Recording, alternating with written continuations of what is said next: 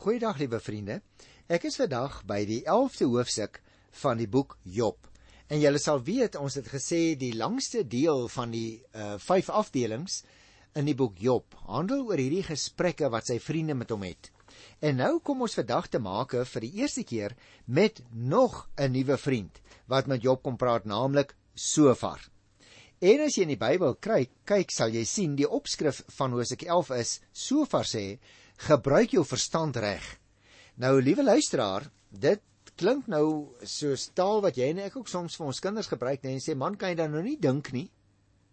En wie dit is presies die teenoorgestelde waaroor dit hier gaan. Want in hierdie gedeelte het ons die vriend Sofar wat vir Job nou regtig die meeste moeilikheid kom gee van al die ouens wat met hom gepraat het. Uiteindelik, liewe luisteraar, gaan ons ook 'n vierde vriend ontmoet, Elihi. Jy sal onthou ons het nou al kennis gemaak met Elifas. Toe het ons na Bildad geluister en Sofar kom dan nou as derde persoon vandag op die toneel. Maar dit gaan dikwels nie oor die verstandelike nie, want daar is mos 'n bepaalde verhouding tussen ons en die Here nie waar nie. Dus Voordat ek die hoofstuk wil behandel, wil ek so 'n bietjie met jou nou eers net algemene slaggie gesels oor wat leer ons nou by Job.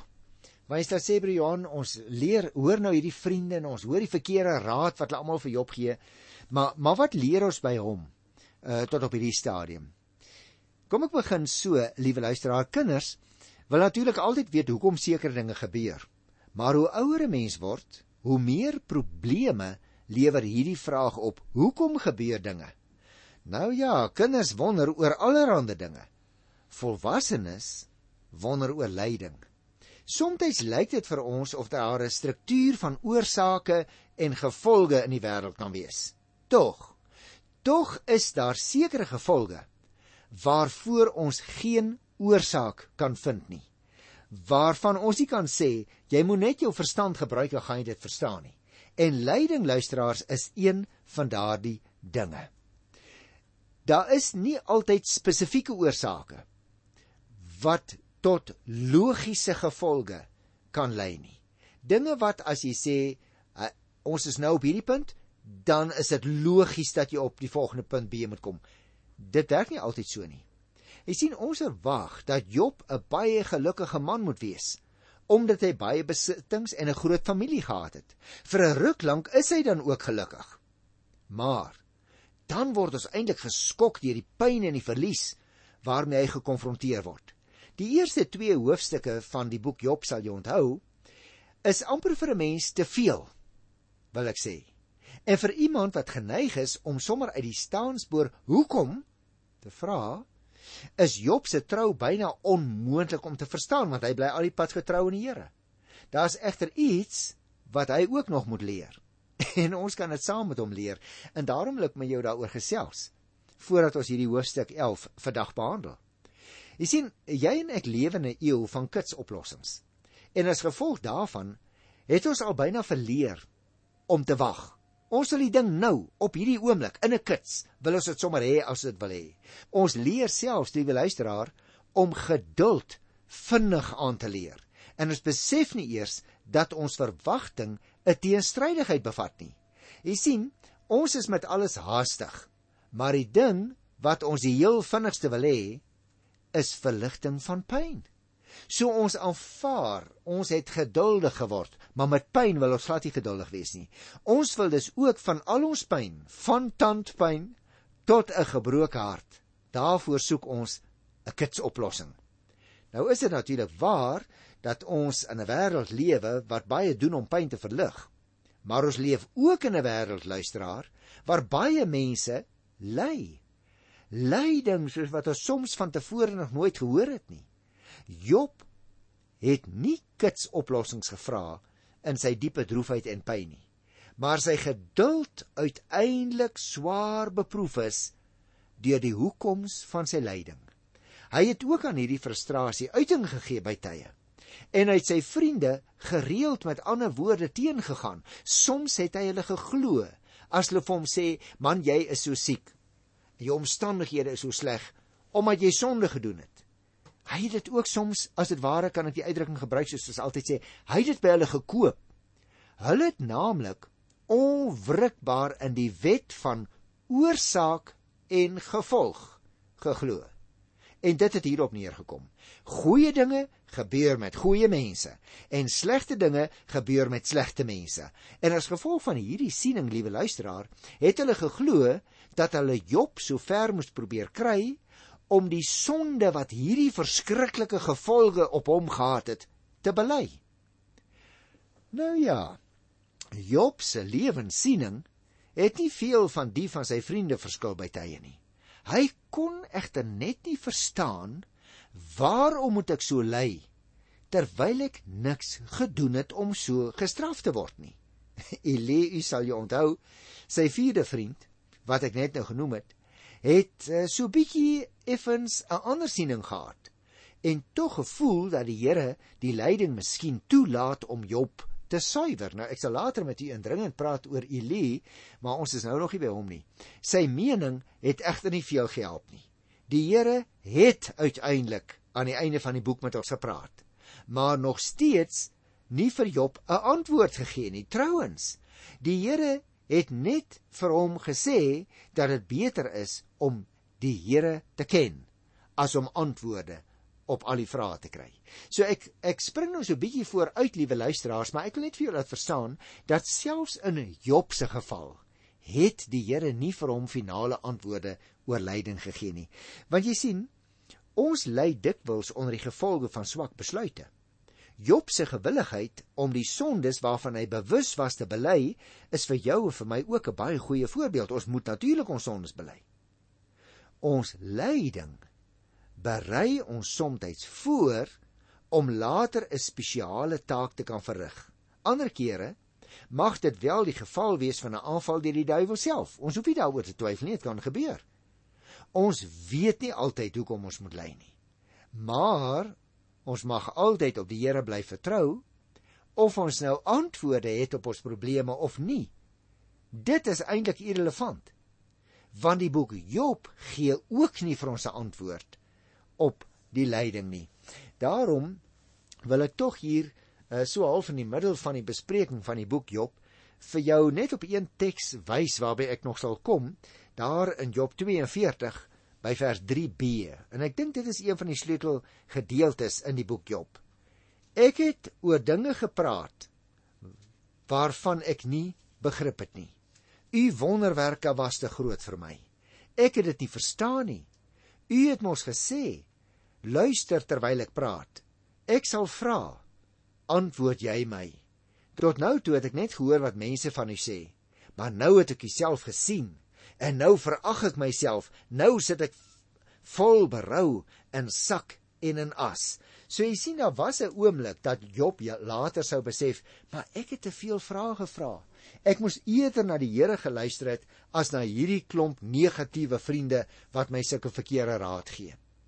So terug dan by ons hoofstuk vir vandag. Job, die 11de hoofstuk. En die opskrif is Sofar en sy raad is gebruik jou verstand reg. Jy sien, Sofar was dan die derde vriend soos ek vroeër in die program gesê het wat met Job kom praat het. Hy het ook die minste respek vir Job betoon, wil ek net vir jou opwys. Hy was eintlik kwaad vir Job en het te kenne gegee dat hy sonder meer vir Job straf voorsien. Sofar het van dieselfde standpunt uitgegaan as Elifas en as Bildad, naamlik dat Job besig was om as gevolg van sy sonde te ly. Met ander woorde, hy het nie eintlik ander en nuwe raad kom gee nie. Hy het sy saak egter sterker as die ander twee gestel. En dit is 'n belangrike aspek om raak te sien. Jy sien, Sofar was een van die mense in die lewe wat altyd 'n antwoord vir alles het en was heeltemal onsensitief vir Job se situasie. Sofar het verkeerlik aanvaar dat Job geheime sondes gehad het waarvan hulle niks geweet het nie. Hy was verkeerd, maar hy was wel reg oor die feit dat God alles sien en alles weet want hy gaan daaroor ook 'n bietjie praat. Ons is dikwels in die versoeking om te dink dat niemand iets sal weet wat ons gesondig het nie. Ons kan miskien ons sonde vir ander mense wegsteek, liewe luisteraar, maar beslis nie vir die Here nie, hoor. Hy ken ons diepste gedagtes.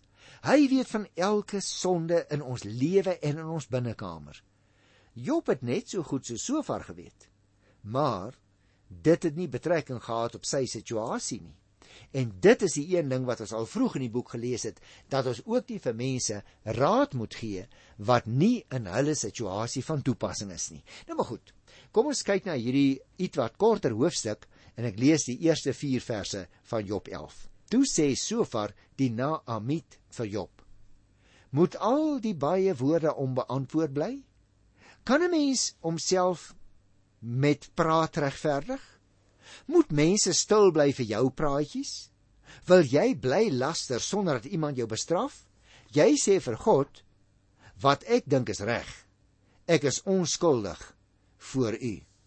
Nou sover moet jy nou oplet luisteraar. Reageer baie skerp op wat Job gesê het in die vorige hoofstuk.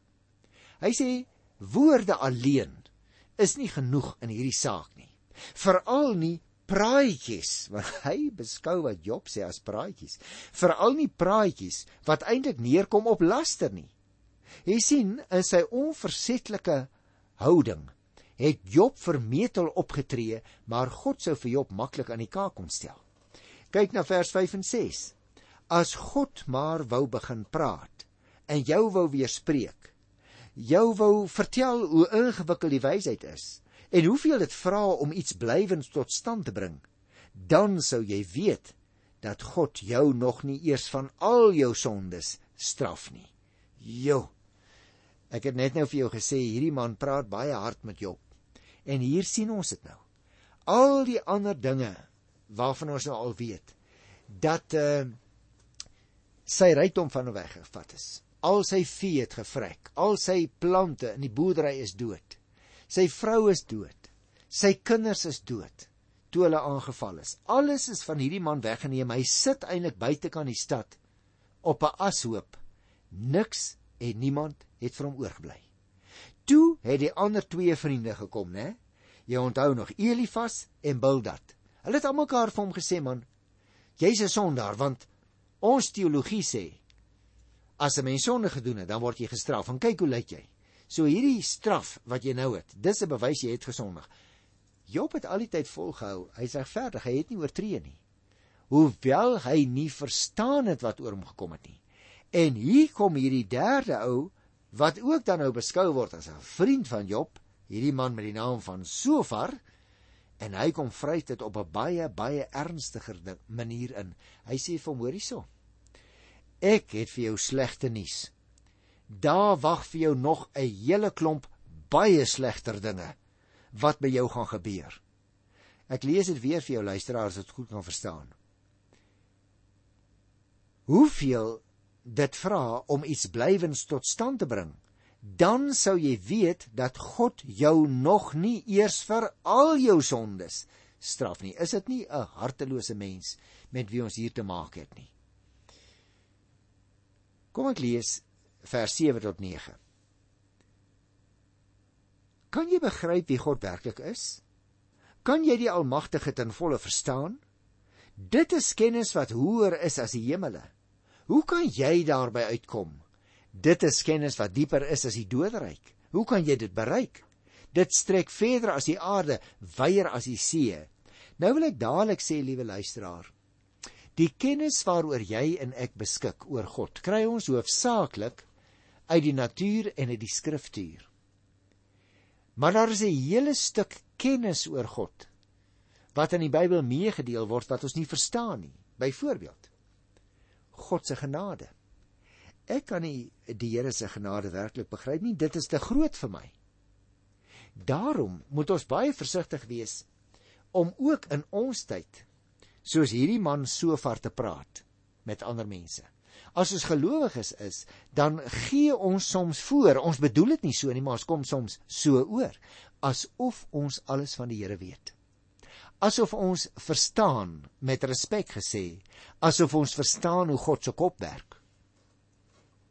Asof ons korrek is wanneer ons so maklik vir mense sê, "Jong, van hierdie ding hou die Here nie.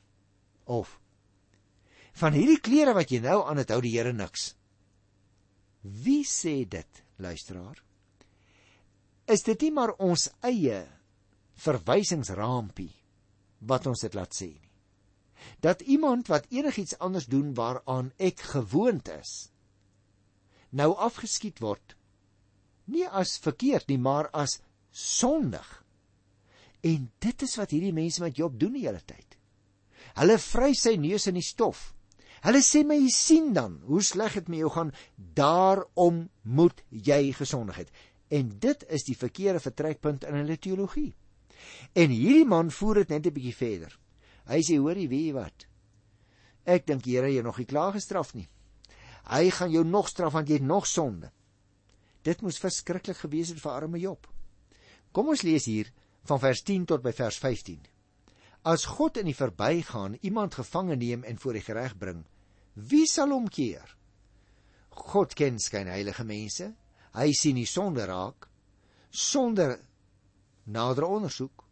'n Idioot kan nie verstand kry nie, net so min as wat 'n wille donkie vul 'n mens is as hy gebore word. Maar jy, as jou verstand reg wil gebruik, en jou hande in gebed na God wil uitsteek, as jy jou sonde van jou af sou verwyder en nie toelaat dat onreg in jou woon nie, kan jy jou kop sonder skaamte oplig en in die nood kom sonder om bang te wees.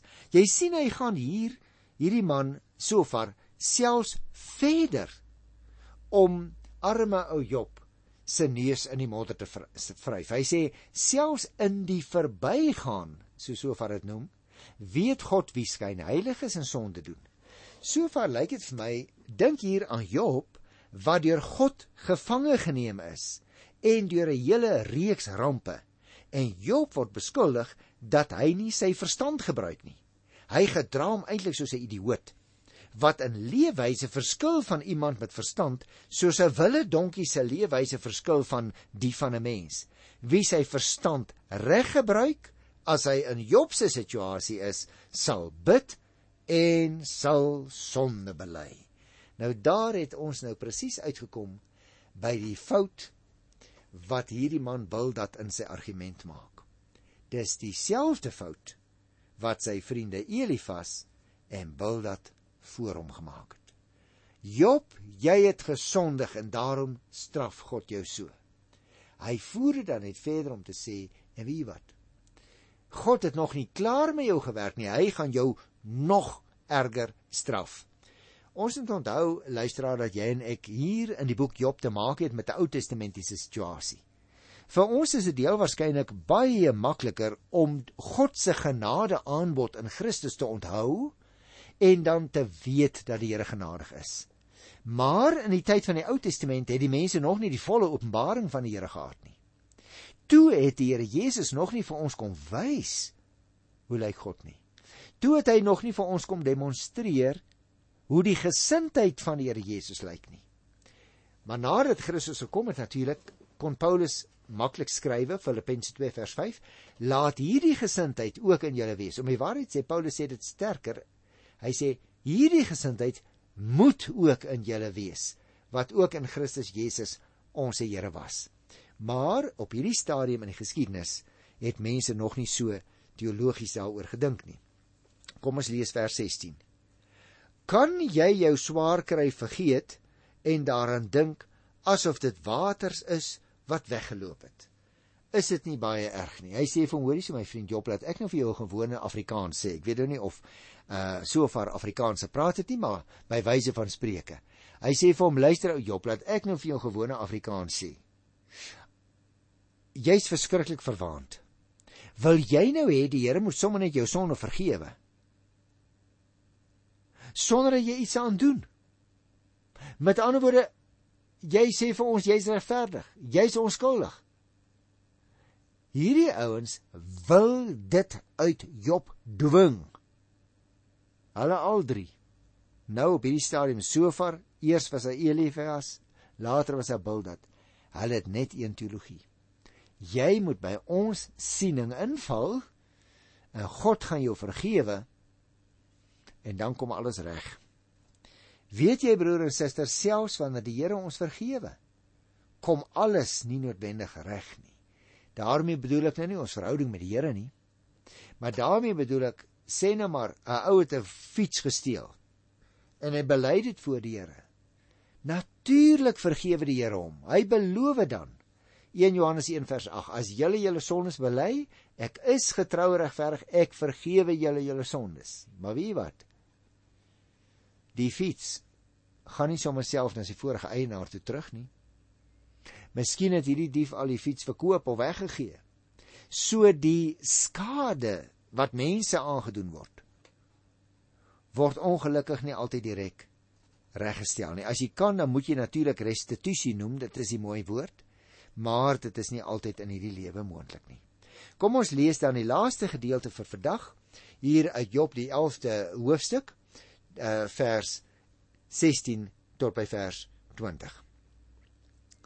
Kan jy jou swaar kry vergeet en daarin dink asof dit water is wat weggeloop het? Jou lewe sal meer lig hê as die helder middag.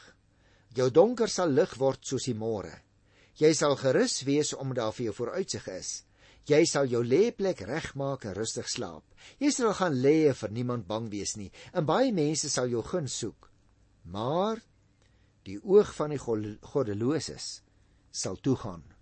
Daarin is geen uitkoms vir hulle nie al vooruitsig wat hulle het is om die laaste asem uit te blaas. Liewe luisteraar, dit dit is amper half vreemde woorde hierdie hoor. Want teenoor die donker van die dood waarna Job verlang het, sal hy die lewe in die helder middag belewe. Vers 18: Roofbendes sal nie meer sy lewe en eiendom bedrieg nie. Inteendeel sê vers 19: Hy sal baie hê wat sy guns soek. Hy sal nie alleen op 'n ashoop wees nie. En vers 20 sluit af deur te sê wat Job begeer het, sal die lot wees van die goddeloses. En as Job nie doen wat sover gesê het nie, ho, dan moet hy oppas. So jy sien ons moet oppas om die genade van die Here aan mense te verkondig. En dan vir hulle ook dreig en sê, maar jy moet net baie versigtig wees, want jy sien liewe luisteraar, jy en ek kan nie daai persoon se hart sien nie. As hy of sy werklik in eerlike opregtheid hulle sonde bely het, dan vergewe die Here hulle. Dit gaan nie oor wat jy en ek mag dink nie. Dit gaan nie daaroor of ons mag mag reken hulle moet nou maar eers 'n bietjie bewys dat hulle die sonde gelos het nie. Nee. Dan het hulle mos nie vergifnis van die Here ontvang nie. As die Here hulle vergewe het, is hulle werklik volkome vry en dit gaan ook nie net oor sonde nie. Dit gaan oor daai ou goed wat jy en ek saam sleep uit ons verlede. Ons ontevredenheid. Ons agterbaksheid, ons geskinder. Dit het soms nie direk met sonde te maak nie, maar is negatiewe gewoontes wat ons aangekweek het en nou hou ons vol. Bring daai goeie slag na die Here toe. Onthou dat uh, Johannes 8 vers 36 sê: Dis eers as die Seun julle vrygemaak het dat julle werklik vry is. En daarom wil ek voordat ons vandag groet, saam met jou so 'n bietjie hand in eie hart steek. Liewe luisteraar, hoe gaan jy en ek om met medemense? Wil ons altyd eers hê hulle moet 'n klomp goed los en dan na die Here toe kom? Of wil ons die genade vrede boodskap van die Here Jesus aan hulle deurgee? Kom na my toe. Almal wat vermoeid en belas is, en ek sal julle rus gee. Hy gee nie eers die rus en dan moet die sondaar kom nie. Die sondaar moenie eers sy sonde los en dan kom nie. Kom na my toe. En dan sal ek vir julle rus gee. Dit is ook die genade wat ek vandag vir jou graag wil aanherinner. Kom na die Here toe onvoorwaardelik. Of jou naam Job is, of jou naam Annie is of Piet, kom na die Here toe en hy sal jou volkome rus gee. Ek groet jou in sy wonderlike naam tot volgende keer. Tot dan. Totsiens.